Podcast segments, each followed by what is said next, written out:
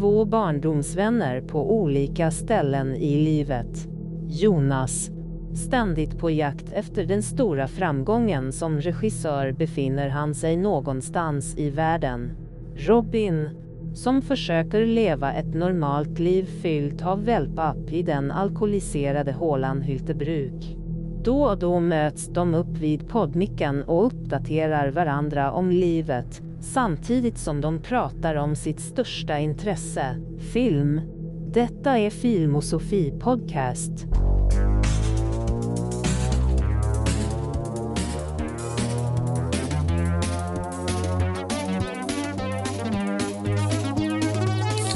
Hej och välkomna till Film och Sofie Podcast. Ett helt nytt avsnitt. Med mig som vanligt har jag Jonas Hansen. Yes. Nu tog jag ditt namn, förlåt. Nej, det är chill deal. Uh, jag är Jonas Hansen denna gången. Uh, ingen påhittad karaktär eller något sånt. Och uh, med oss har vi en annan riktig karaktär. Teresa. Oh. Ja, hej Teresa Norman. Hej, hej. Välkommen hit. Uh, ska vi börja direkt lite? Vem är du och varför gästar du oss? Ja men gud vilka bra frågor. Eh, om jag visste vem jag var så skulle allting vara mycket lättare. Nej men jag är väl en helt vanlig 40-årig tvåbarnsmamma som har ett intresse som jag lägger all min tid på förutom att vara förälder och jobba lite för att få pengar och det är att kolla på film. Det är det.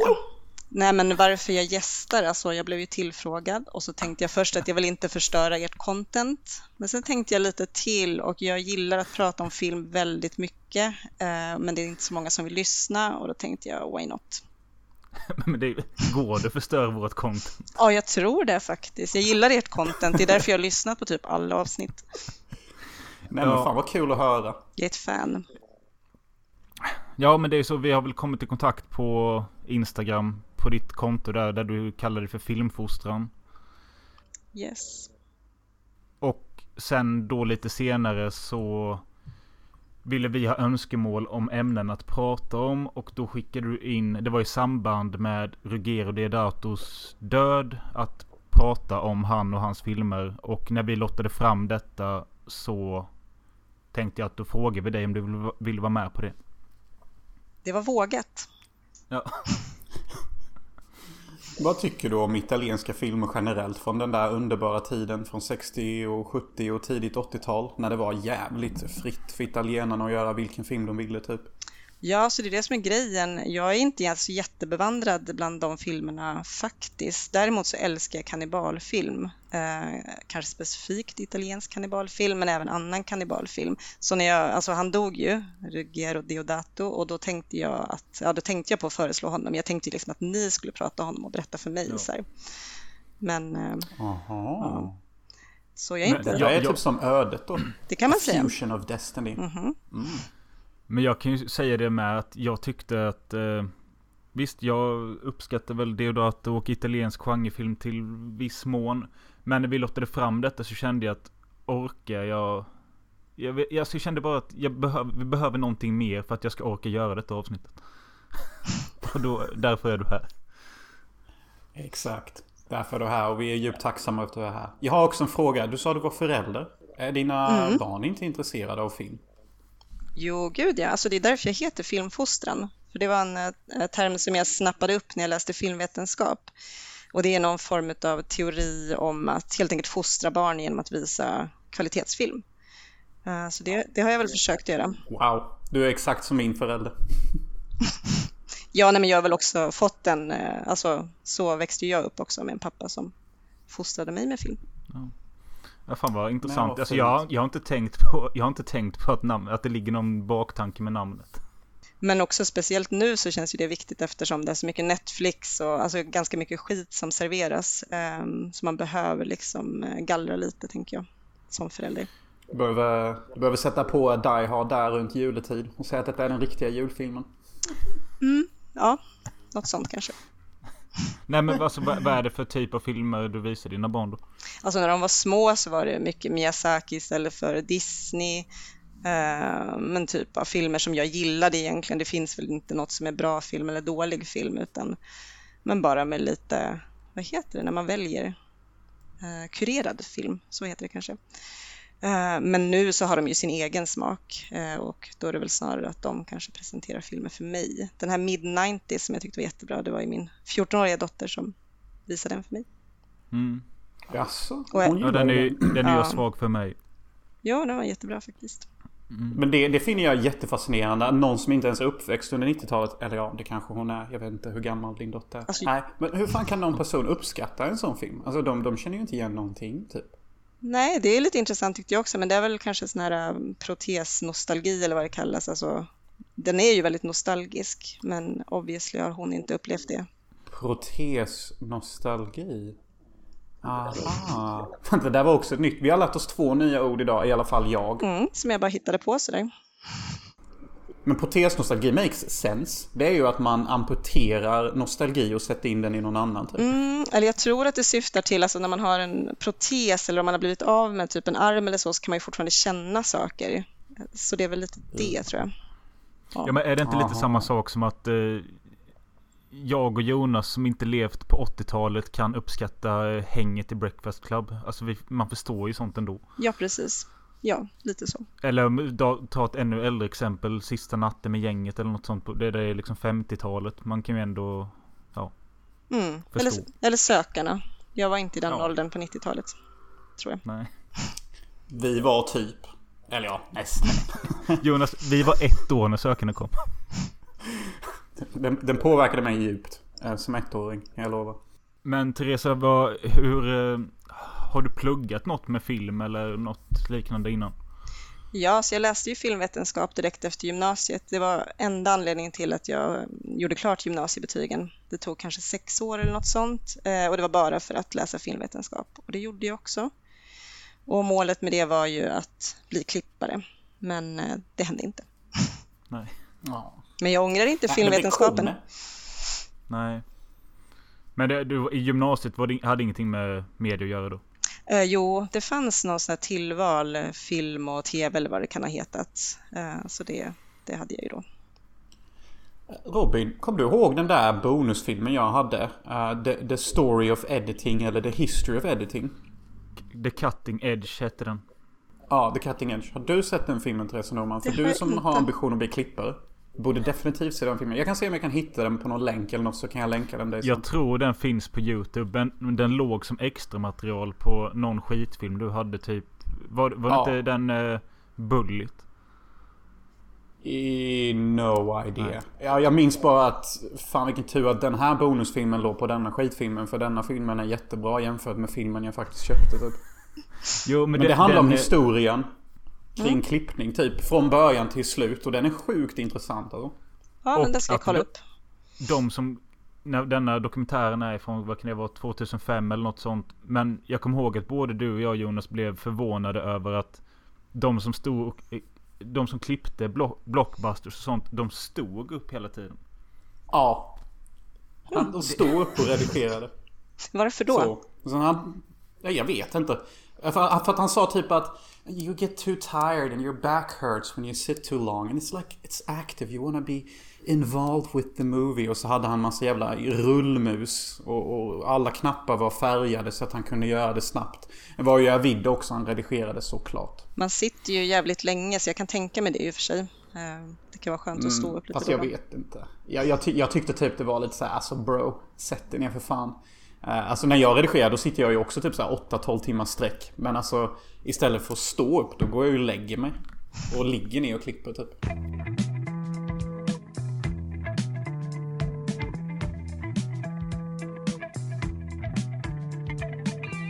Ja, men ska vi hoppa in på mannen eh, det, denna, detta avsnitt ska handla om?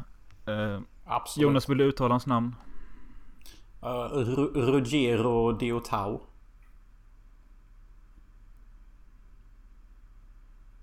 Laggar det eller vad händer? Ingen aning. En jävligt bra skådespelare om man kan se ut sådär. Ja, nej, du försvann där lite. Kan vi få höra Jaha. namnet en gång till? R Ruggiero Diotau. Det saknas fortfarande lite, men... Eh, Ja, du kan få öva på det i avsnittets gång så får du uttala det ordentligt i slutet. Ru- Ruguru. Diauto. Vi kan kalla honom Rugge annars. Ja. Kanske lättare. Ja, R- Rugge Deo. Tau. Fast Ja. det är inget Tau. Nej, ja, okej, okej. Robin, du som sitter där och, och typ fli- flinar. Du försök. Ja, men jag, jag kan ju det, men jag tänker vi ska inte säga det mer nu förrän i slutet. Då ska du klara det. Aha, Ja, vi kommer ju, vi kommer ju säkert säga det, men eh, skitsamma. Han eh, föddes 1939 och dog då förra året eh, 29 december. Fett sad alltså. True Legend lämnade oss. Och jag skrev ju till er båda att vi kan välja varsin film att se och prata om. Eh, men jag vill inte att det ska vara Cannibal Holocaust eller House on the Edge of the Park. För att jag känner att de två filmerna har folk i allmänhet pratat om tillräckligt och det hade varit roligare att se något mer udda han har gjort. Och bara för att påminna folk. House of the Edge of the Park. Det är med han, det tokiga krullrufset va? Som alltid spelar våldtäktsman med en kniv i alla filmer typ. Yes. Ja. David Hess heter han. Ja just det, han är, han är jättebra skådespelare alltså. Ja, på, på sin nisch. Då, våldtäktsman med kniv. Men utöver de filmerna vi har sett idag. Eh, Teresa, vad har du eh, för relation till Deodato annars? Ja, så det är ju genom kannibalfilm. Eh, Jag försökte kolla upp vilka jag hade sett med honom förutom de vi har sett till idag, som jag inte hade sett innan. Eh, Och det är ju Cannibal Holocaust, eh, Cut and Run, Last Cannibal World, House of the Edge of the Park. Mm. Nada más. Och det är samma för mig. Plus eh, The Washing Machine som vi har pratat om i ett avsnitt som heter Hushållsapparat. Låter Ja, som ett fantastiskt jag- avsnitt det jag missat. Ja, jag, jag, jag, jag älskar The Washing Machine. Eh, jag tycker den filmen exemplifierar varför film är så underbart. Att man kan göra en handling av vad som helst. Ja men det är, Ja. de tror ju typ att eh, The Washing Machine är mördaren eller någonting, typ halva filmen. Och jag tycker det är jätteroligt att de typ tror det eller någonting. Det låter mycket sevärd. Ja då. Fett sevärd. Hans andra film som också är jättesevärd är ju Dial Help. Det är väl han som gjort den också? Hell? Da- Ja, Dial, Dial help. Help. Alltså så det är typ så här telefoner som vaknar till liv och börjar attackera folk. Och det var ju på den tiden det var telefonstadda. Så de typ åker så här runt människors huvuden och typ... Och den är också rätt bra faktiskt. Det känns Jonas som att du, du eh, har ju de senaste tio åren eh, somnat till en italiensk film varje kväll. Så det känns som att du kan ha sett allihopa typ. Ja, och sen så går de i bakgrunden när jag ligger och sover. Så typ undermedvetet så har jag nästan sett alla filmer typ. Men då är ju du experten. Det är ju jättebra. Ja, typ. Eh, Det är bara det där med namn. Ja, namn är svårt. Alltså jag... jag, jag Jesus alltså.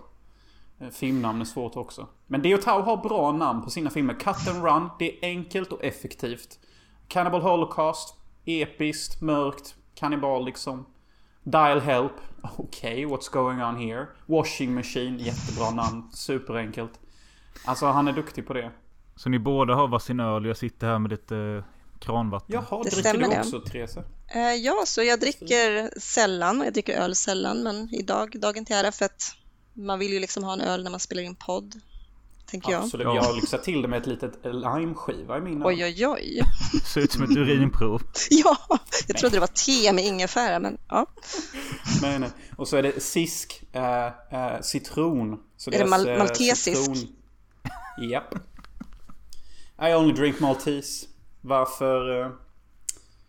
varför vara otrogen mot sitt land liksom? Nej.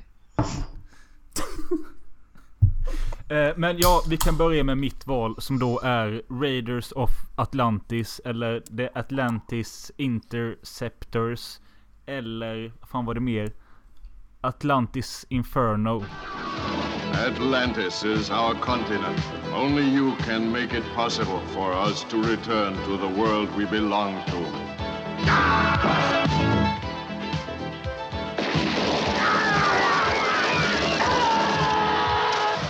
Som jag valde främst på grund av att den eh, låg på Netflix, vilket jag tycker är kul i sig. What? Den låg på Netflix? Var det inte där vi såg den? Eh, Jonas, jo. vad, Ja. Absolut. Eh, ja, jag behöver...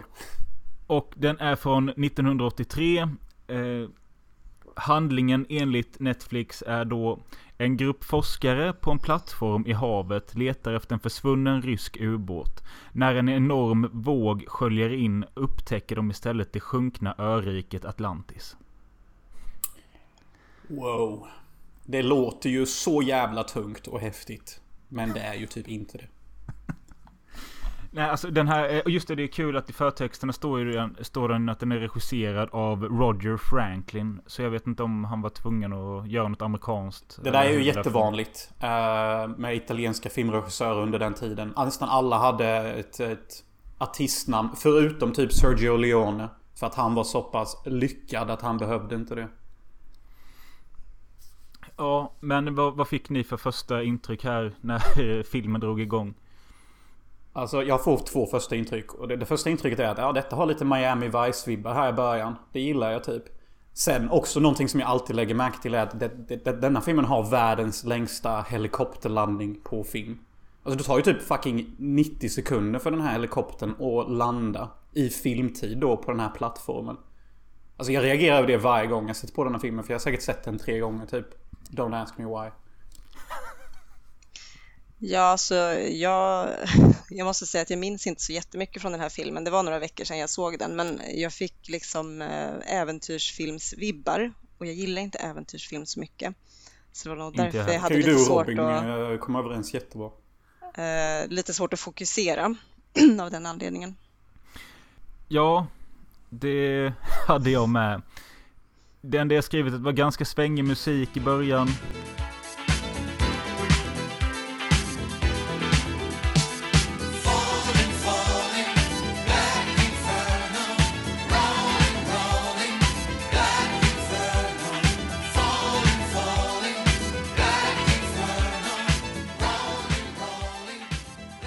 Det känns som att det här radarparet eh, man ska följa som är två snutar eller vad de är.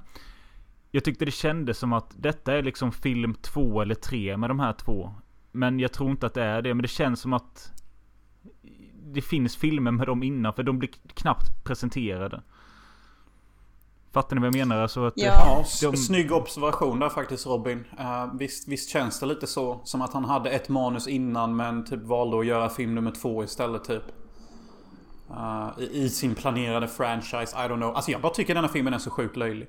Alltså, alltså den här jävla Atlantis, det ser asfattigt ut när det kommer upp från havets yta. Och, och sen när de går på land. Och är på Atlantis. Alltså det, det är ju det är ju ett rundown fucking paintball eh, island typ. Det känns Alltså, ganska det ser ut mycket som- tv-film också, eller? Ja, verkligen. det gör det. Och, eh, men hur är det det här Atlantis dyker upp? Alltså vad är det som... I don't know man. Alltså det, det, det sitter någon jävel där framför en data och sen så börjar allt vibrera och sen så är Atlantis där typ.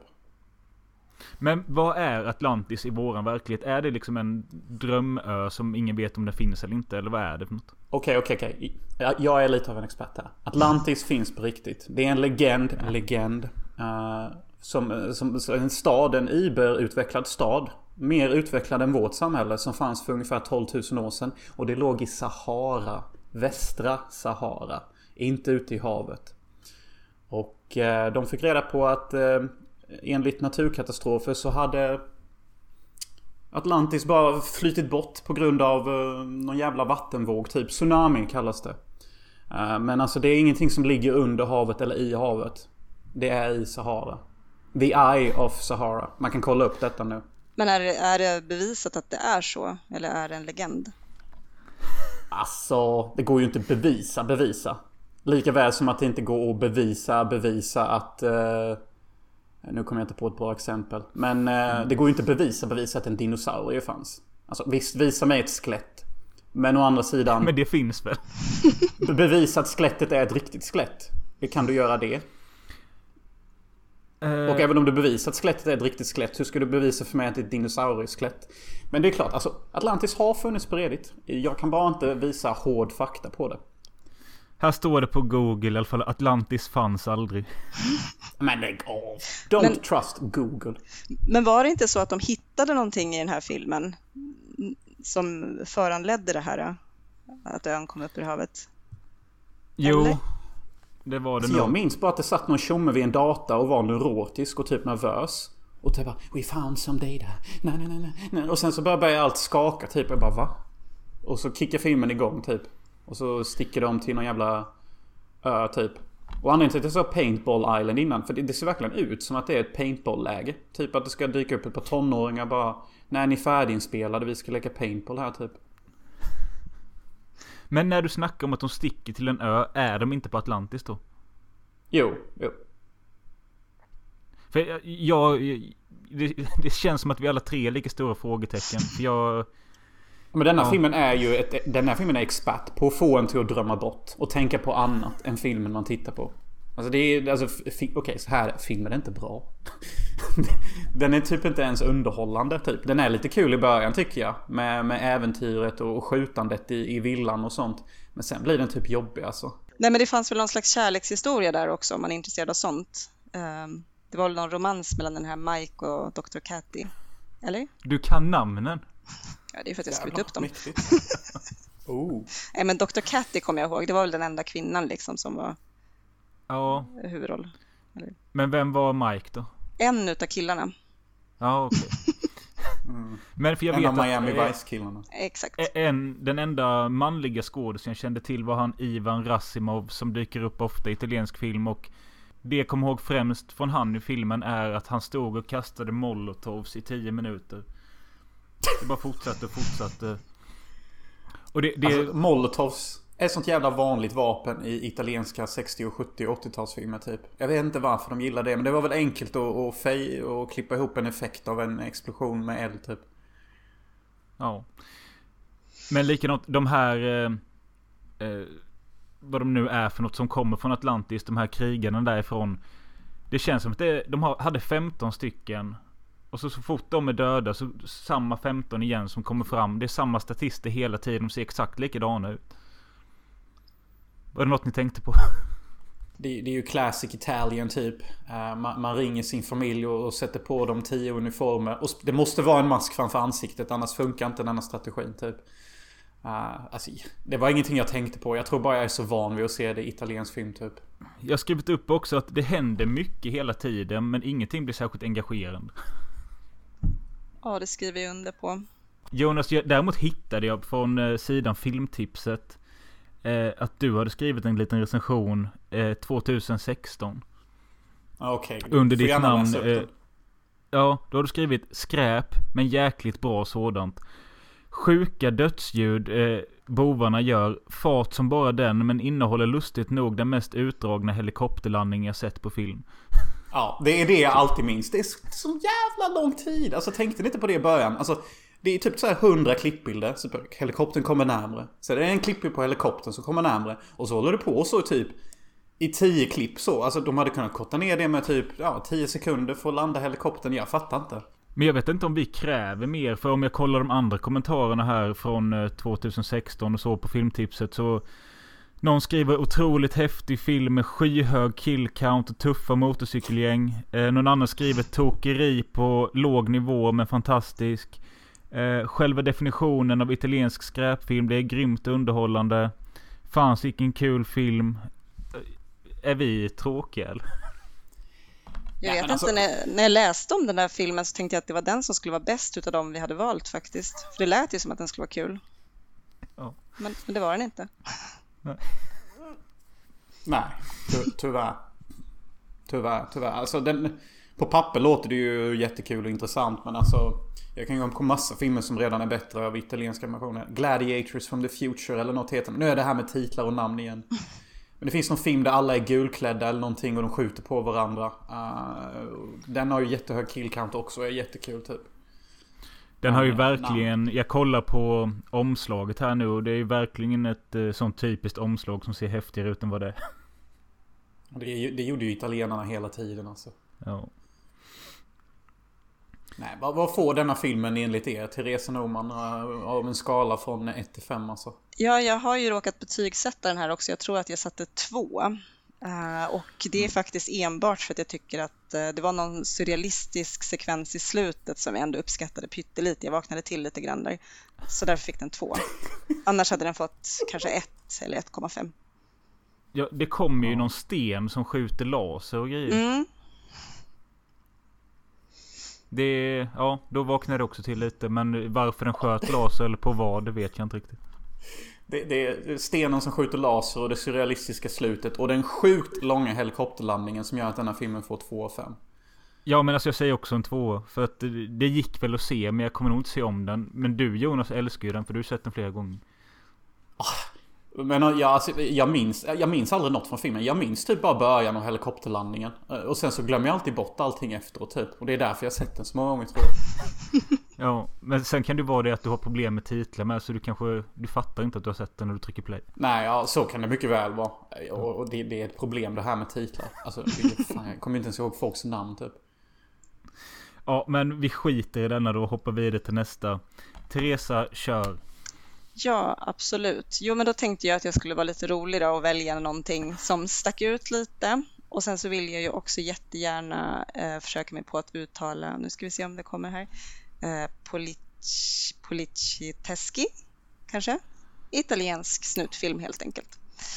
All right. Eh, ja, nej men så jag valde Born Like a Cop, Die Like a Man och den är från 1976. Ha, har du titeln Born? Ja, Ja, Nej. För, kanske Nej. inte. nej, Liv- jag bara undrar för det är precis. Ja. Live like a cop, die like a man, så är det. You're surrounded now. Give yourselves up. There's no way to escape. Come on out. Be sensible. Why make your situation worse?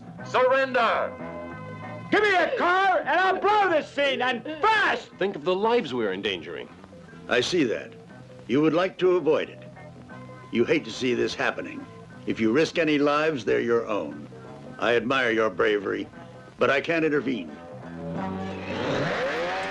Och detta är en titel som jag har sett i säkert 15 år. Och varit intresserad av att se men aldrig sett. För att jag tycker att titeln är jättemäktig. Och jag tror att på svenska heter det typ Hårda män på tuffa bågar eller någonting. Den, den heter Iskalla typer på heta bågar, vilket är en fantastisk titel. That title, wow. Mm. Ja, nej men eh, det ska bli intressant att se vad ni tyckte om den här. Jag vet inte, alltså jag har en jättekort handling som jag kan dra. Sen har jag en jättelång det, handling tack. också, men jag tar den korta. Eh, Ja, nej men det är ju Italien och jag tror att det är Rom kanske, kan det stämma? För någonstans stod Det det Milan, men ja, vi säger Mm. Rom. Eh, och Då är det alltså två styckna poliskollegor, Fred och Tony, och de jobbar för någon slags hemlig specialstyrka inom poliskåren och de bekämpar brott genom att använda okonventionella metoder. Eh, och sen eh, så är det väl ungefär så att en person, alltså en kollega till dem blir skjuten utanför polisstationen och resten av filmen Mm. går ut på att de söker hämnd. Ja, Mm. Instämmer ni i att Ja, jättebra handlingsbeskrivning och jag missade där att de var någon speciell styrka. Men det förklarar varför de typ var low key kommandosoldater i vissa scener. de har ju någon tänker dator speciellt- där som liksom eh, ger dem instruktioner om någon slags undercover-uppdrag, eller? Men så hade var de kanske. dator? På kontoret. Den här datorn har jag helt missat. Ehm, ja, ja, ja, det stämmer nog. Ja, det första jag reagerade på den här filmen var att, eh, eller om vi ska, det du försökte uttala och lyckades med ganska bra polis, ja. Jag, jag skippar ju alltid försöka. Jag säger Eurocrime för jag tänker att det är exakt samma sak. ja. Eh, jag tror jag kanske sett en, kanske två sådana filmer tidigare. Almost Human vet jag var bra. Så det var väl kul att se en till sån här. Den här börjar ju med en, jag skrev upp här hur långt, hur länge höll det på? Eh, det är en 11 minuters lång jakt på motorcyklar i början. Var det 11 minuter verkligen? För jag började reagera, nu har det här pågått ganska länge. Så var jag tvungen att kolla, okej där tog det slut. 11 minuter, det är ganska länge. Fan, eh, Michael Bay är ju nästan eh, bemästrad redan innan han gjorde film typ. Men för de här två snutarna, vad hette de sa du? Fred och Tony. De använder sina motorcyklar hela tiden och det är väl ganska häftigt att de kör i trappor och de eh, flyger över gupp och grejer. Eh, och där i inledningsscenen så kör de ju även, eller är det de eller den de jagar som kör ihjäl en blind mans hund? Det är den de jagar som råkar köra ihjäl en blind mans hund. Och jag tycker, nu kanske åldern börjar ta sin rätt på mig. Men jag tycker typ det är lite osmakligt. Det är osmakligt tycker du i den här filmen. Ja, intressant. Vi kommer till lite andra scener sen. ja. ja, nej men ja, jag reagerade inte så. Jag tyckte det var lite så komisk relief där i början. Komisk relief? Det, det är en fucking oskyldig hund som typ blir överkörd helt i onödan. Dock säger så här. Hur vet du att den var oskyldig? Hela filmen går väl ut på att saker händer helt i onödan, skulle jag säga. Är det något som är befogat av det våld som de utför? Eh, men eh, så ni reagerade inte på att det pågick väldigt länge med de här motorcyklarna? Jajamän, tio minuter fick jag det till. Eh, men det är ju okay. rätt likt elva minuter. Ja. Var det så länge? Och då... Jag satt där och tänkte, ja, rätt lång jakt, men typ fem minuter kanske. Jag måste ha tyckt om jakten, typ. Eller så var jag upprörd över att hunden dog, jag vet inte. Men klippte, klippte de mycket i jakten? Du som brukar, Jonas som brukar vara uppmärksam på klippning. Alltså de klippte väl typ rätt normalt för en italiensk film. Alltså typ, eh, det var väl rätt bra klippt. För typ, vad, jag läste att det är ju, eh, den är ju liksom eh, gerillainspelad. De hade ju inte något tillstånd så de hade ju inte tömt gatorna eller så. Och även improviserad. Right. Om jag förstått saken rätt. Så det är lite intressant. Okej. Okay. Ja, och lite häftigt. Mm. Det, det, det kanske är därför jakten i början är lite mer in, intens och och de andra jakterna så. Alltså ja, gerillainspelning är ju nice alltså. De, jag, jag, en annan sak jag reagerade på var att eh, jag, jag har lite svårt att acceptera de här två machomännen när de efteråt eh, båda ska sitta på samma motorcykel och hålla om varandra. Det ser lite löjligt ut. Alltså det är ju det som är så kul tycker jag att det, alltså inledningen, det är ju otroligt gay, alltså det är ju tydliga homoerotiska undertoner och sen till den där ja. låten också. Det ser ju ut som att det ska ja. vara någon sån här komisk julfilm i början. Ja. Och det är så jävla sant det du säger. Ja, det är så kul att ni tar upp det. För jag bara tänkte, är detta iskalla typer? Eller är det typ bögiga typer? Alltså det var... Men jag funderar på om det är någonting med det italienska, alltså eh, jag menar att man är sådär när, nära varandra och att man är lite gay liksom. Är det något italienskt, alltså då eller någon bild av hur det nidbild? Jag tycker det är jättebra att du tar upp det. För att alltså allvarligt talat, jag jobbar ju med jättemånga italienare på mitt jobb. Och de är typ ganska närgångna med varandra. De typ såhär kramar varandra hårt och ger varandra hårda high-fives och bara Hey! You're my man, my man, typ. Alltså alla italienare är typ best friends for life med varandra. Eh, som nästan typ så här går in i det lite homoerotiska vibbar typ. Så det är nog bara en stil de italienska männen har med varandra. Man kan alltså vara en iskall typ och även och agera lite, lite gay. Ja. ja. för det, det är ganska kort efter den inledningen där så går de ju till sitt kontor. Eh, och där möter de upp en kvinna. Och då blir det direkt en dialog om vem av dem som ska ha sex med henne. Och om jag fattade mm. dialogen rätt så Eh, båda vill ligga med henne. Men när hon säger att ja men då måste ni fortsätta i flera timmar och få mig att komma på gång på gång. Och då vill de inte längre. Ja, så hon förklarar ju att eh, kvinnor är lite mer uthålliga. Så, ja men precis som du sa, hon är lite snappy där. Mm. Ja. ja, jag älskar också... den dialogen. För jag älskar hur hon börjar säga att ni män, eh, ni är redan färdiga vid förrätten. Medan ni kvinnor, vi vill ha huvudrätt och efterrätt och alltihop. Och det är ingenting ni förstår. Ni är jättebra poliser men ni fattar inte detta typ. Uh, och det, jag, jag blev förvånad som fan. Jag bara wow. Detta är typ intellektuell dialog här i en, i en uh, lökig italiensk film. Det är inte alltid alltså. Nej men det var lite förvånande faktiskt. Det var det. Ja, jag reagerade starkt på det och bara shit. Det här är ju typ interesting. Inte bara häftigt. Men någonstans kort därefter så tappade jag lite engagemang och jag vet att det leder fram till något gisslandrama. Och sen får ni fylla i vad filmen är. Har ni något Alltså det... Oh, nej.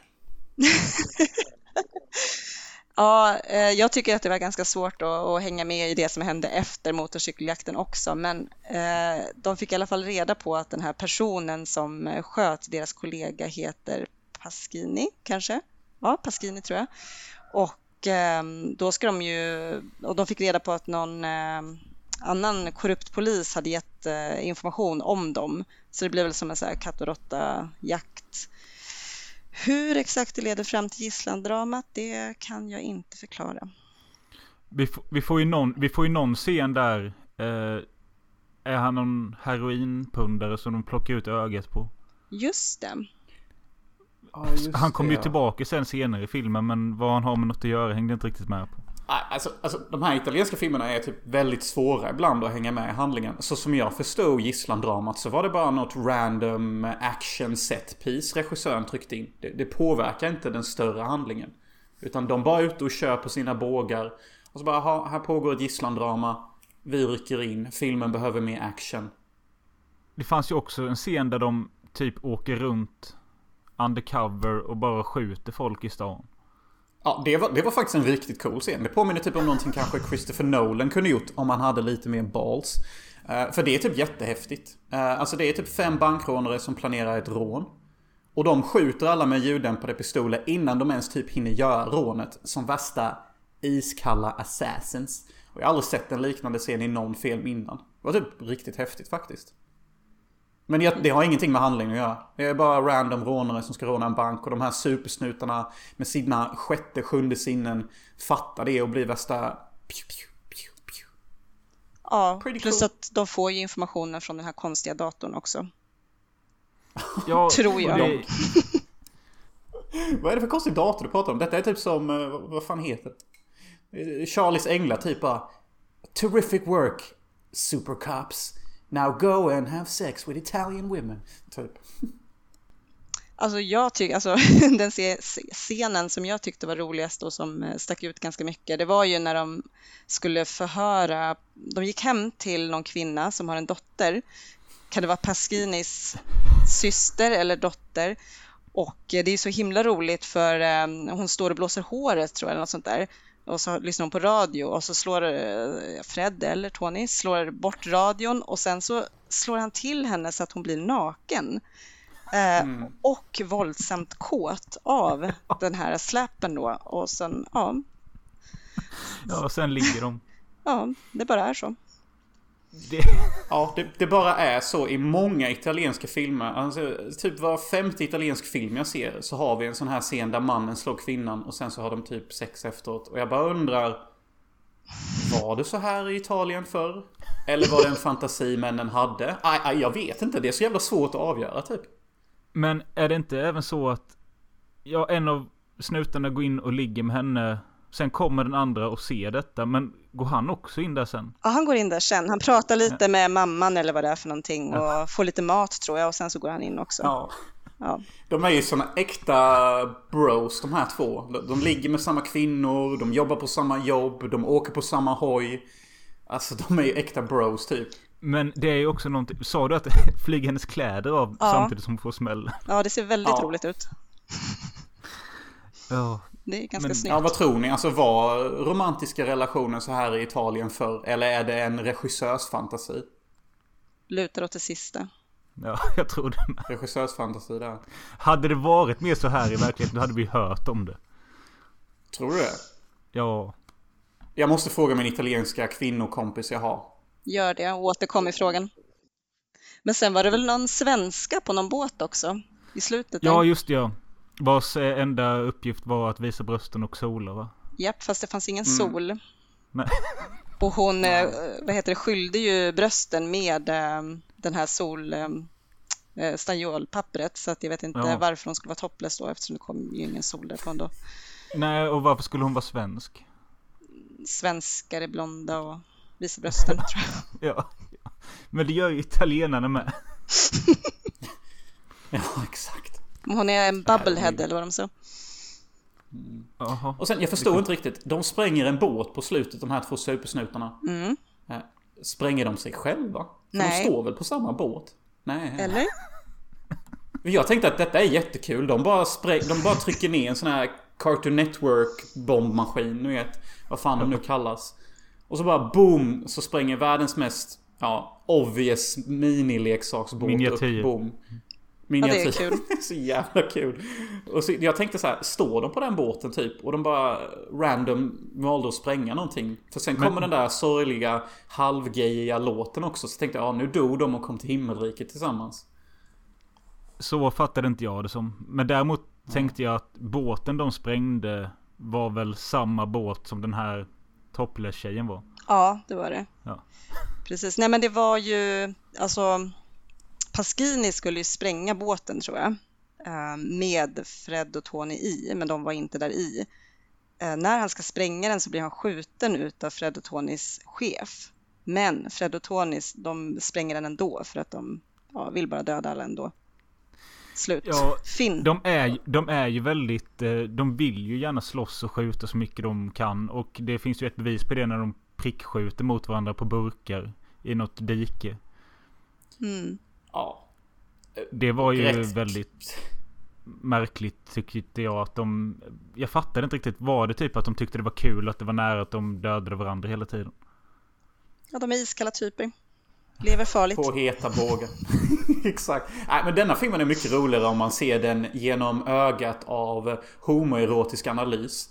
Eh, För, för den är... Den är en riktigt... eh, Det är en gay film helt enkelt. Och den bör tittas närmare på. Eh, By the gay community. Alltså nu när du säger det, de ligger ju faktiskt med kvinnor. Men de vill ju gärna göra det båda två och samma person. Mhm. Så det är ju på något sätt att de vill vara nära varandra ändå. Eller, ja. Ja, Nej exakt. just det, de vägrar ju också att göra det samtidigt med hon den sekreteraren i början. Ja men det är förnekelse där typ. De är inte riktigt redo än, tror jag. Ja, kanske. Men överlag så kan jag väl säga att jag tyckte den var, den var ju roligare än Atlantis. Oh ja. Gud ja. Vad kände du Therese? Ja, den var hyfsat kul, alltså den gick att se, men jag blev ändå lite uttråkad där i mitten. Ehm, Men vad jag läste efteråt som inte funkade för mig, det var ju att det skulle vara satir. Och det kunde man ju ha listat ut egentligen eftersom eh, på den tiden i Italien så var det ju jättestora problem med poliskåren som var korrupt och massa oprovocerat våld. Så det, ska ju, det är ju satir liksom. Men till skillnad från Cannibal Holocaust så jag uppfattade inte satiren så då blev det ju egentligen bara alltså, en ytlig våldsfilm, vilket kan vara kul men jag uppfattade liksom inte de där nyanserna. Jag tror att satirvinkeln var nog bara ett sätt för honom att få investerare kanske. Typ att det var bara någonting han sa. Men, Kan eh, stämma. jag, sen så tror jag att man kanske hade fattat det om man hade levt i Italien under den tiden. Men det här, jag, jag hade inte en aning om detta. Inte jag heller när jag, när jag såg den. Nej. Jag trodde att den här scenen med ögat inte var med i den jag såg, men när jag spolade tillbaka så var den väl det. Den var ju med i Youtube. Ja men eh, du får ju aldrig se någonting utan de, det klipps ju Ja. bort. Just det, för att den det- scenen var ju, den eh, plockade ju Tarantino upp och reproducerade Kill Bill sen. Ehm, Du menar när de plockar ut ögat på henne? och ja. trampa på det. Mm. ja. Ah. Jo, det stämmer säkert. Tarantino är ju jävligt känd för att eh, plocka gott och blandat från alla filmer typ. Ja. Jag tyckte det var lite kul när en av de här två snutarna vi ska tycka om då. Eh, när en av dem sitter och snackar med den här heroinpundaren som har ett öga. Och då han snackar om att de ska plocka ut det andra om inte han hjälper dem. ja. Ja, de, de är ju inte snälla egentligen typ. Alltså, jag vet, alltså så här känner jag och jag kommer ställa er samma fråga. Jag tror inte jag hade velat vara kompisar med de här två. Hur känner ni? Nej, jag, jag säger nej. Ja. Ja. Ja. Men kände ni igen någon utav skådisarna? Ja, jag tror jag säkert har sett någon av dem. Chefen har jag definitivt sett i massa filmer. Han är inte med i var och varannan italiensk film, men jag kan inte hans namn. Ja, men Obviously. den där chefen, eh, som då är, är väl en av de få lite godare karaktärerna, tydligen så har han spelat eh, ond i nästan alla andra italienska filmer Ja. och det skulle också vara en indikation på att det är liksom satir på något sätt. Alltså, ja, Jaha. läste jag. Okej. Han är ju jättesnäll i denna. Han, han pratar ju om att han har typ sömnproblem på grund av att han tar hand om de här två supersnutarna så mycket. Och att han bryr sig om samhället och allting. Alltså han är jättegullig jämfört med hur han brukar vara. I, I vanliga fall brukar han vara den typen som bara You're gonna die here on the ground like a mexican puta. You Italian bastard. Alltså typ så håller han på hela tiden annars. Jag, jag kände ju igen den... Eh, den ena utav killarna, den blonda. Han spelas av Ray Lovelock som eh, har huvudrollen i eh, The Living Dead at the Manchester Morgue. Den har ju någon annan titel också. Det är en zombiefilm. Det är en Ja uh, just det, den är rätt bra faktiskt. Typ filosofisk ja, zombiefilm. Men en av dem har ju varit med i Don't Torture Duckling. Men vem? Oh. Kanske den andra? Resten va? Mark Porell kanske? Ja. Kanske. Don't Torture Duckling är en film jag gillar väldigt mycket. Ja, det är ju också. Den är bra. Mm. Men Theresa, hade du något mer eh, trivia om filmen? Ja, den här svängiga låten i början. Eh, det är ja. ju faktiskt Ray Lovelock som framför Jaha. den. Den heter Maggie. Okay. Den är ja. rätt bra faktiskt. Släng in den här. Mm. Ja. Är det samma låt som i slutet också? Nej, jag tänkte på det att det lät lite liknande, men jag tror att det också är något av Ray Lovelock. Han kanske hade mm. krävt att få ha med det. Båda de låtarna är i alla fall eh, rätt gulliga och väldigt bra. Ja, som jag tycker jag. ger den här, det ger en annan sida till filmen som känns väldigt fin på något sätt. Uh, filmen och har Ray, något fint i sig. Ray Lovelock är ju ett rätt bra namn. Mycket bra namn. Ja, jag hade en sista trivia också och det är att tydligen så avskydde de varandra. Eh, alltså Ray Lovelock och Mark Porell eller vad han hette. De så två huvudpersonerna. Ja, och det märks ju verkligen inte för de har ju jättefin kemi i filmen. Jättebra kemi. Ja, jag bra skådisar typ kanske då. Ja, jag tänkte typ så här, typ de här två tar en öl efter, efter gigget typ. Ja, men de hatade varandra så när det var tal om en uppföljare så blev det ju inget då för de vägrade att spela mot varandra igen. Jag tror detta var Deodatos eh, enda Eurocrime-film. Mm. Ja, då är det kul att ja. vi har sett den. Ja. Ja, jättekul. Men det där är faktiskt skitkul trivia du nämner där. Jag var helt övertygad om att de två var typ nästan bästis in real life too. Ja, precis. Man köpte det. Ja, det är en äh, bra fucking om, actors alltså. Vill ni sätta något betyg på denna med? Ja. Det är ju typ en 3 av 5 alltså. Inte den starkaste trean kanske. 2,5 är... säger jag. Bara för att ja, den var lite jag... tråkig i mitten annars. Ja men det är någonting med att typ när det, när det, när det är fighter och de skjuter på varandra då går det att titta. Men när dialogerna kommer så ofta så zonar jag ut. Samma här tyvärr. Samma jag, jag säger alltså det är en tvåa på denna med men den är bättre än uh, Atlantis. Mm.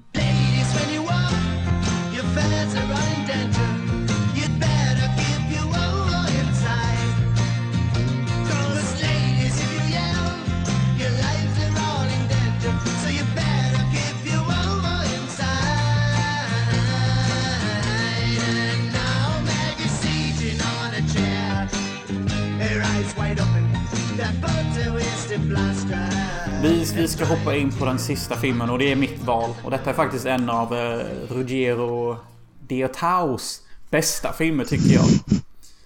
Eh, och jag tycker det är jättekul att detta är den första film han gör efter 23 år av tystnad också. Eh, så vitt jag har förstått korrekt. Han kanske gjorde någon liten hobbyfilm hemma med frugan eller något, I don't know. Men officiellt så verkar detta vara typ den första filmen på typ 23 år.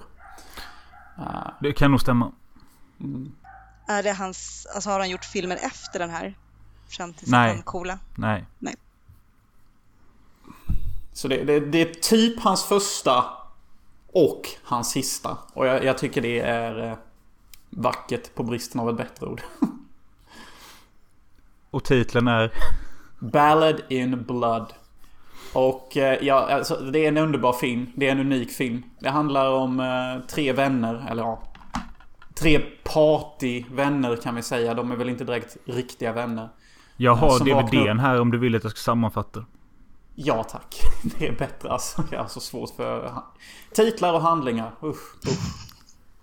Ja, filmen är i alla fall från 2016. Vi får ha i åtanke att det är alltså en 76-årig Deodato som gjort den här filmen. Vilket känns sådär ibland. Uh, Jacopo, Lenka och Duke vaknar dagen efter Halloween i den studentlägenhet Lenka delar med sin rumskamrat Elisabeth. Men den gryende dagen för med sig en fruktansvärd nyhet. Elisabeth är död. Någon har skurit halsen av henne men inte nog med det. Varken Lenka, Jacopo eller Duke kommer ihåg vad som hände. De var för fulla och för höga.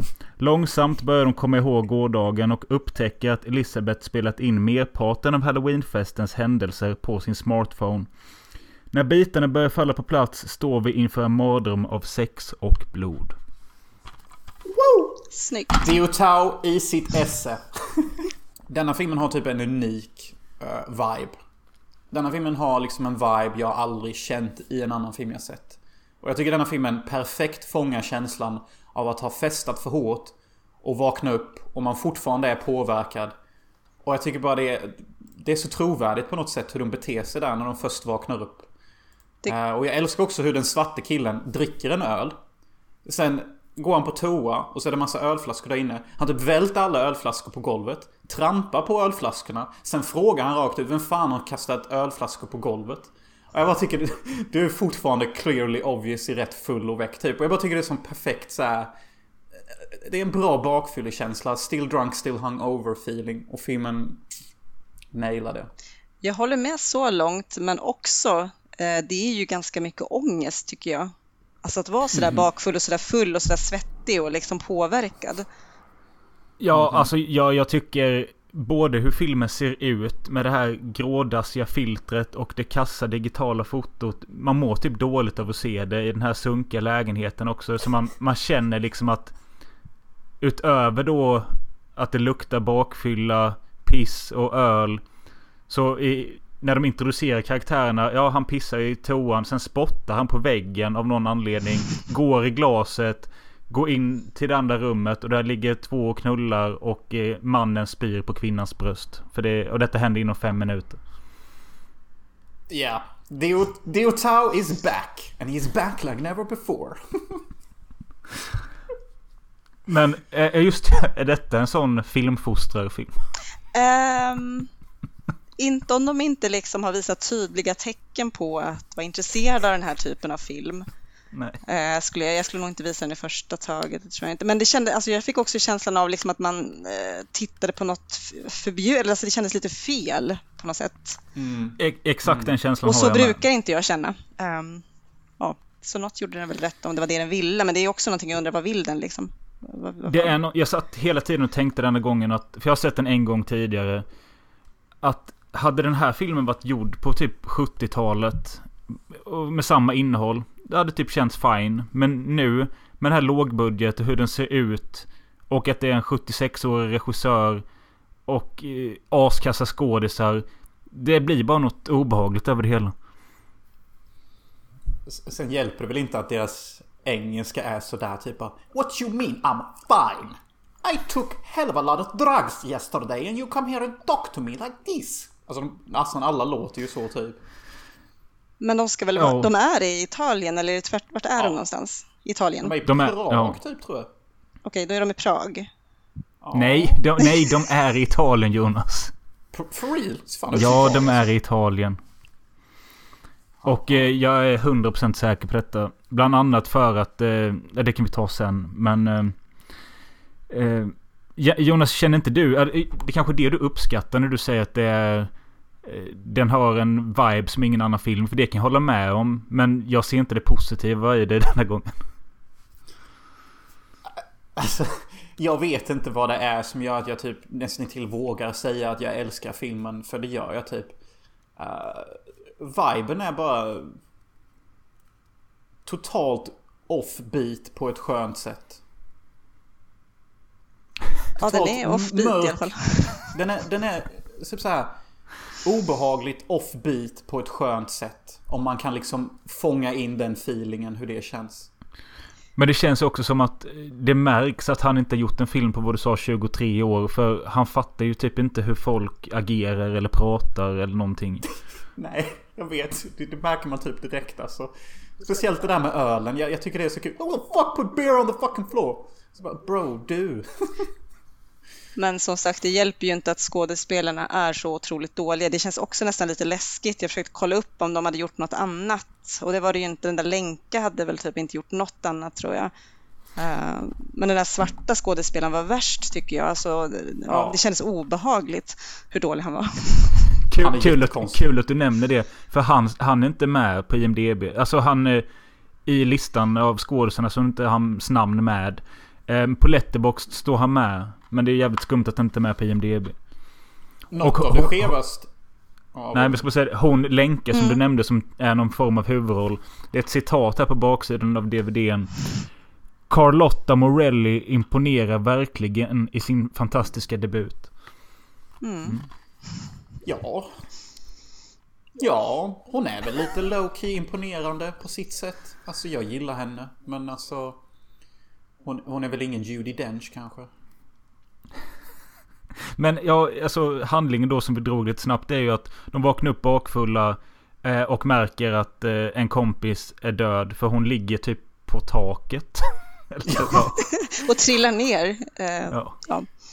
Genom glastaket där ja. Och och deras reaktion är ju priceless. What the fuck? Who killed her? Who killed this bitch? Alltså, Det var ju en gång i filmen jag tyckte den här mörkhyade killen var kul på riktigt. Och det är när han eh, drar ut glaset ur sin fot och han har skrikit att han har så ont och sånt. Det var lite kul.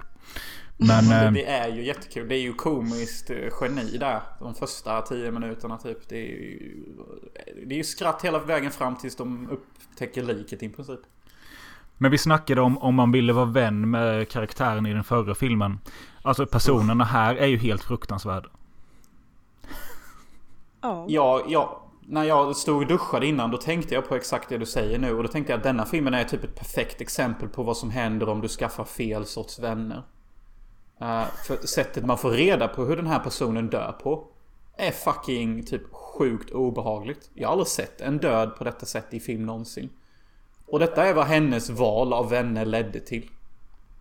Och på det sättet är ju typ filmen också lite bra typ. Att den speglar typ fel val av vänner gives bad result in life. Kanske också om man tar jättemycket knark. I don't know. Ja.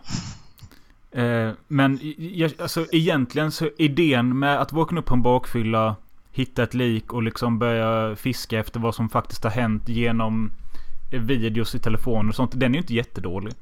Nej, det är en bra idé. Men jag måste släppa ut katten, fan. Men detta var första gången du såg filmen då? Eh, Ja, ja det var det. Eh, och tro till det, jag hatar den faktiskt inte. Det kanske låter så. Jag kommer se, jag kommer se om den någon gång faktiskt. Den var Ja, intress- jättekul. intressant på något sätt.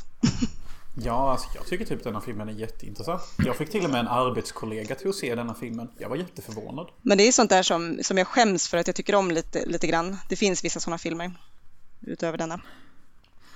För Ja. mig var det samma sak som förra gången jag såg den. Att ja, men de första tio minuterna är så urflippade att det, liksom, det är kul att titta på. Men sen så tappar jag lite och sen mot slutet vaknar man till igen. Mm. Det är typ något gemensamt med alla de här tre filmerna vi har sett faktiskt. Problem i mitten. Jag tycker detta är ett problem många italienska filmer har tyvärr. Att de börjar starkt och slutar starkt. Men att manusförfattarna typ så här inte redigt visste hur de skulle fylla ut filmen typ. Eh, det är tyvärr någonting som man märker väldigt ofta i italienska filmer. Inte alla men många.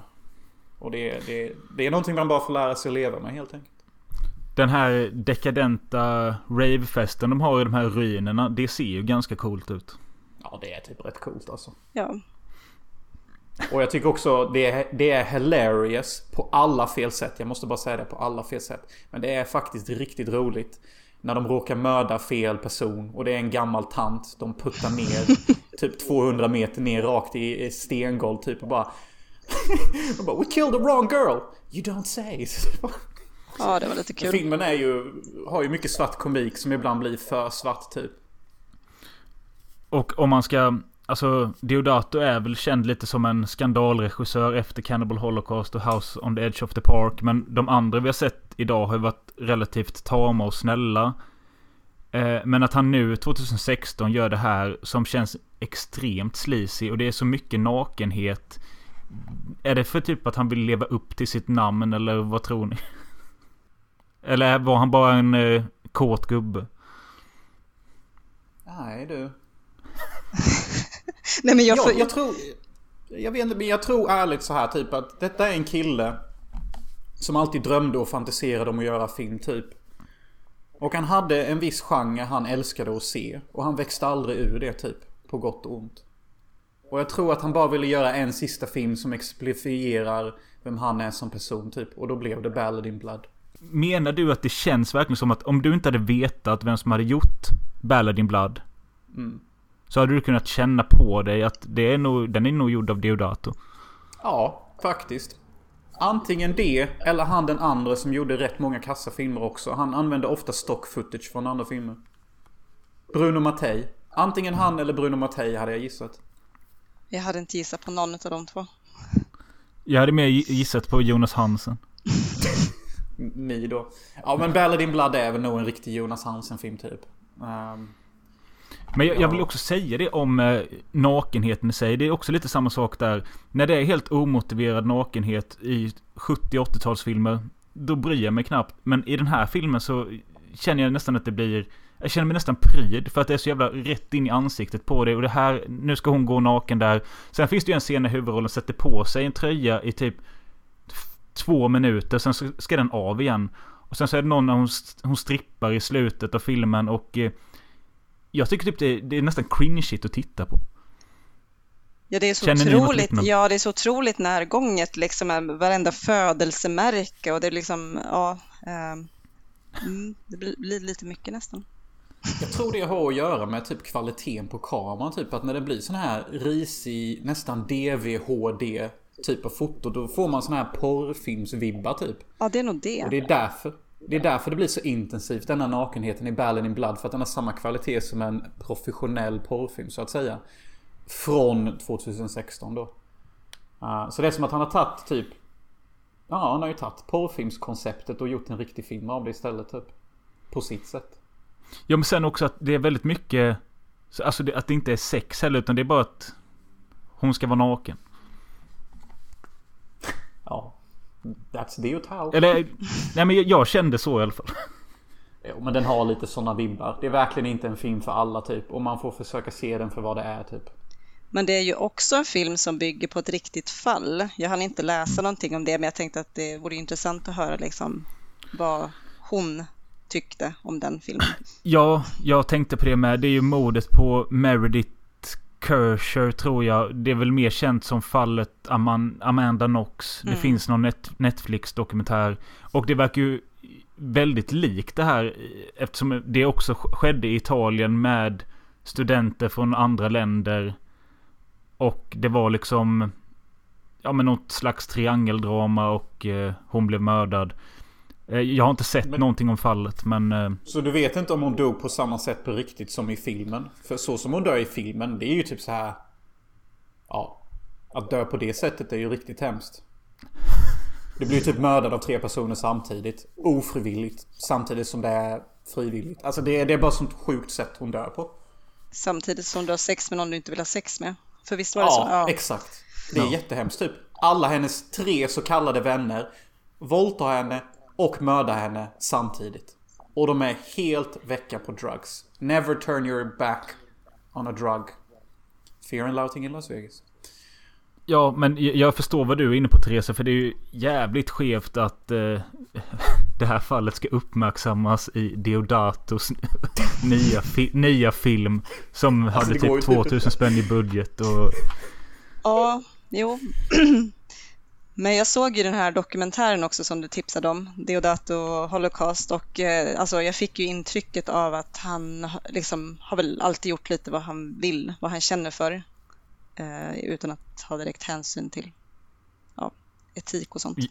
Ja, djur eller människor. Djur eller kvinnor eller ja, precis, människor. Men när vi ändå är inne på det eh, eh, angående den dokumentären så slutar den väl med att de här filmskaparna frågar honom om djurmorden i Cannibal Holocaust och han lämnar väl rummet va? Han blir förbannad, precis. Ja. ja. För, är det för att de har, gjort en, de har gjort en deal om att inte prata om det? Eller? Troligtvis, alltså han är väl jättetrött på de frågorna och de skulle inte ställa dem, så gjorde de det ändå. Så blev han sur. Antagligen. Och jag hittade ett quote från honom där han sa någonting typ om att eh, jag förstår att ni är upprörda över djuren som blev mördade i filmen. Men alltså det ni måste förstå är att jag kommer från eh, landsorten i Italien. End of quote. han, eh, han utvecklade det där ganska mycket i dokumentären. Han förklarade lite, lite mer ingående. Alltså Ballad in Blood kan vi betygsätta också för Mm. jag, jag tycker Den har ju någonting Men jag vet inte om jag Mhm. tycker om det och jag Alltså det känns ändå på något sätt som att jag kommer se den igen Men jag, jag, vill, jag vill inte Man kan inte låta bli. Jag har samma känsla, jag kommer eventuellt att köpa den. Ehm, ja, så är det. Blu-ray där, nu taggar vi. Det finns, alltså det är ju svenska njutarfilm som gett ut den här DVDn Jag tror jag köpte den för 29 spänn eller något så det Eh, Kan du hålla vara upp så vi kan se eller? Ja nu. Ja, oh. ja oh, rätt nice alltså. Helt OK. Mm. Helt OK. Alltså för mig är detta typ nästan en 4 av 5. Bara på grund av att den har så unik vibe och, och unik feeling och typ... Alltså, jag vet inte men alltså jag, jag, jag måste ju vara seriös så det är ju 3 av 5 alltså. Det får det ändå bli typ. Ja, alltså det måste jag också säga att jag blev ju glad. Jag skickade ju er båda en länk innan vi började spela in som hette typ behind the scenes på Ballad in Blood. Jag blev glad att se ändå att det var så pass många, även för det hade inte behövts. Och det var som du Teresa skrev att ja, många men inkompetenta kanske. Men eh, jo, att för, för mig känns det som att samma dåliga stämning som det är i filmen känns det som det har varit på inspelningsplatsen. Och det kanske det inte är då när man är så många. Så i den här lägenheten så känns det som att det är dålig stämning på riktigt. Och så har vi en 76-årig gubbe som sitter i ett hörn och runkar och filmar typ. Jag tror inte han sitter och runkar. Nej, men Då tror jag inte ens filmen hade blivit gjord. Men jag hade jättegärna velat se hur han ser ut när han regisserar. Om han ser kåt ut eller om han beter sig professionellt. Jag hade velat se hur hela stämningen är typ. han, han Och jag tror faktiskt... Jag tror faktiskt att stämningen var rätt bra. Jag tror att även fast italienarna gör mycket slisk och mycket snusk och mycket naket. Att de har antagligen mycket, mycket mer respekt för kvinnorna än de i USA har. Jämfört med hela Weinstein-caset och allt det. Jag tror att det är mycket brutalare stämning om en sån film skulle göras under amerikansk produktion än italiensk produktion. Och detta säger jag utan att veta någonting egentligen. Det är bara en teori typ. Man skymtade ju honom i den här behind the scene. Han, sa, han satt nere i hörnet. Ja, han såg inte så hemskt kåt ut då, men då var det ju också någon bilscen som spelades in. Så att, Ja. Kanske inte bli färdiga med denna biscenen. Han vill egentligen inte ens vara där den dagen. Vad är second director när man behöver honom? Nej, men även denna får en 2 av 5 för mig. Jag kan inte ge den högre tyvärr. Bro, come on. Teresa, 3 av 5. jag ger den en trea och den är otroligt taffligt gjord och dåliga skådisar, men den får en trea för att den fick mig att känna någonting i alla fall. Och det, jag ser rätt mycket film liksom, eh, och den här minns jag i alla fall.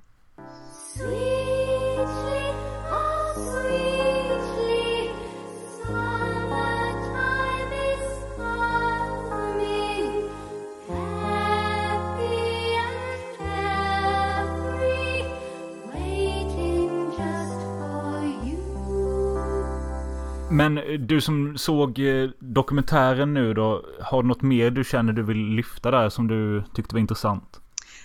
Ja, alltså lite, alltså som jag inte kände till alls, eh, att han hade varit regiassistent åt den här Rossellini. Säger jag rätt Ja. nu? Är det Rossellini? Ja, Ja, men hela den där grejen med neorealismen, det var faktiskt intressant eftersom eh, jag som älskar Cannibal Holocaust, alltså jag tycker att den har ett jättebra realistiskt moment på något sätt i sig och då fattar jag ju var det kommer ifrån. Mm. Eh, enligt honom själv i alla fall. Är det därifrån?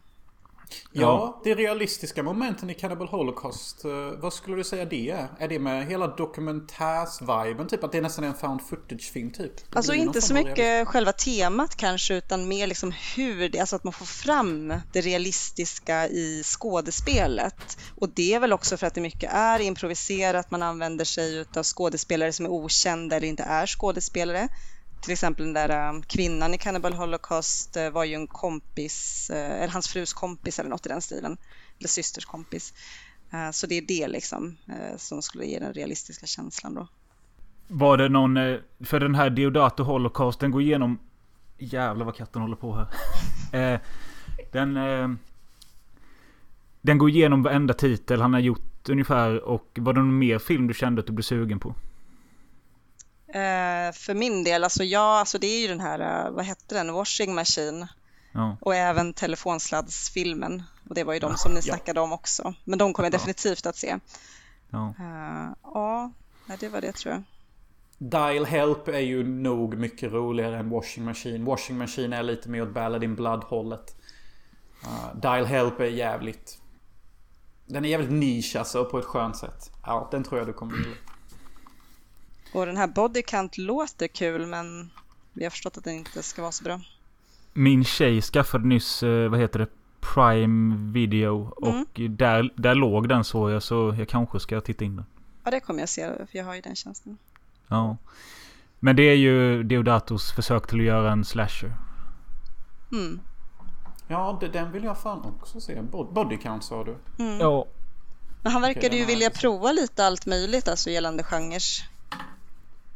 Ja, men det var någonting jag såg. Vilken fan var det? Eh, Sen- måste jag fråga här Teresa. Mm. Du, du pratar om realism i skådespel och sånt. Och du, du har ju gått filmvetenskap. Det tycker jag är rätt intressant. Men, då måste jag nästan fråga här. Vilken tycker du är den, liksom, den mest realistiska film som någonsin gjorts? Det är ju en rätt tung fråga kanske. Men alltså jag måste bara fråga typ. Ja, alltså det är en bra fråga men ehm, alltså för att inom den genren, alltså så här neorealism och sådär, eh, då finns det ju redan färdiga exempel men jag vet inte liksom om det skulle vara det jag tycker är mest realistisk. Hmm, jag får suga lite på den. Ja, jag, jag började själv suga här. Ja, har du något förslag? Är, Ja. Vilka filmer tycker jag är jätterealistiska? Ja, bro. Nu kommer jag inte på en enda film. Alltså som jag tycker är sjukt realistisk. Ja, på något sätt vill jag nästan säga The Lighthouse. Uh, men Okej, jag hade ett helt annat eh, förslag på tungan, men okej. Ja. Men det- Om man, om man blir inlåst på en ö i tillräckligt lång tid med William Defoe och, och, och ifrågasättbar sprit. Då kanske man blir lite skev. Men i alla fall de första 30 minuterna är ju ganska realistiska och normala. Äldre män på en ö som eh, jobbar med ett lykthus och äter tillsammans. Ganska realistiskt typ. Ja, men det är ju en sak liksom eh, om själva temat, det är, alltså att det är realistiskt det som händer, men det är en annan sak om man får fram realismen i liksom från skådespelen och så. Jag tänkte faktiskt på den här eh, ett, ett hål i mitt hjärta heter, det, heter den va? ja. Ah, Där är det ju, för det är väl också i princip, alltså där är väl regin så att den är eh, lite improviserad, att de fick köra själva och Mm. ja, den är ju jävligt mörk också. Ja. Den filmen känns väldigt realistisk i skådespelet. där, Det tycker jag. Det känns ju är också sådär, naturlig. ja precis. Men det var det, kul att ni kom in på detta med realism. För det var det jag skulle säga att eh, efter Live Like a Cop, Die Like a Man så gjorde ju Deodato en film som jag först tänkte välja till det här avsnittet. Men jag visste inte om ni gick att få tag på. Den heter Last Feelings. Och eh, ska vara ett väldigt sorgligt eh, ungdomsdrama om någon eh, simmare som eh, är en up and coming star men börjar... Eller han får någon sjukdom eller något och... Den kallas... Den är labelad som Italian tearjerker. Wow! Ja, den borde Det hade varit se. kul att se något sånt. Ja. Den lät ju lite kul. Kul att Deo Tao, eh, Master of Sleaze and Blood, typ eh, gör The Last Feelings. Ja. Ryan Johnson takes notes till eh, hans Star Wars-film där typ. Men kä- känner ni att... eh, Ja, just det, det fick vi nyss svar på från dig, eh, Teresa. Men Jonas, känner du att du vill se mer Deodato?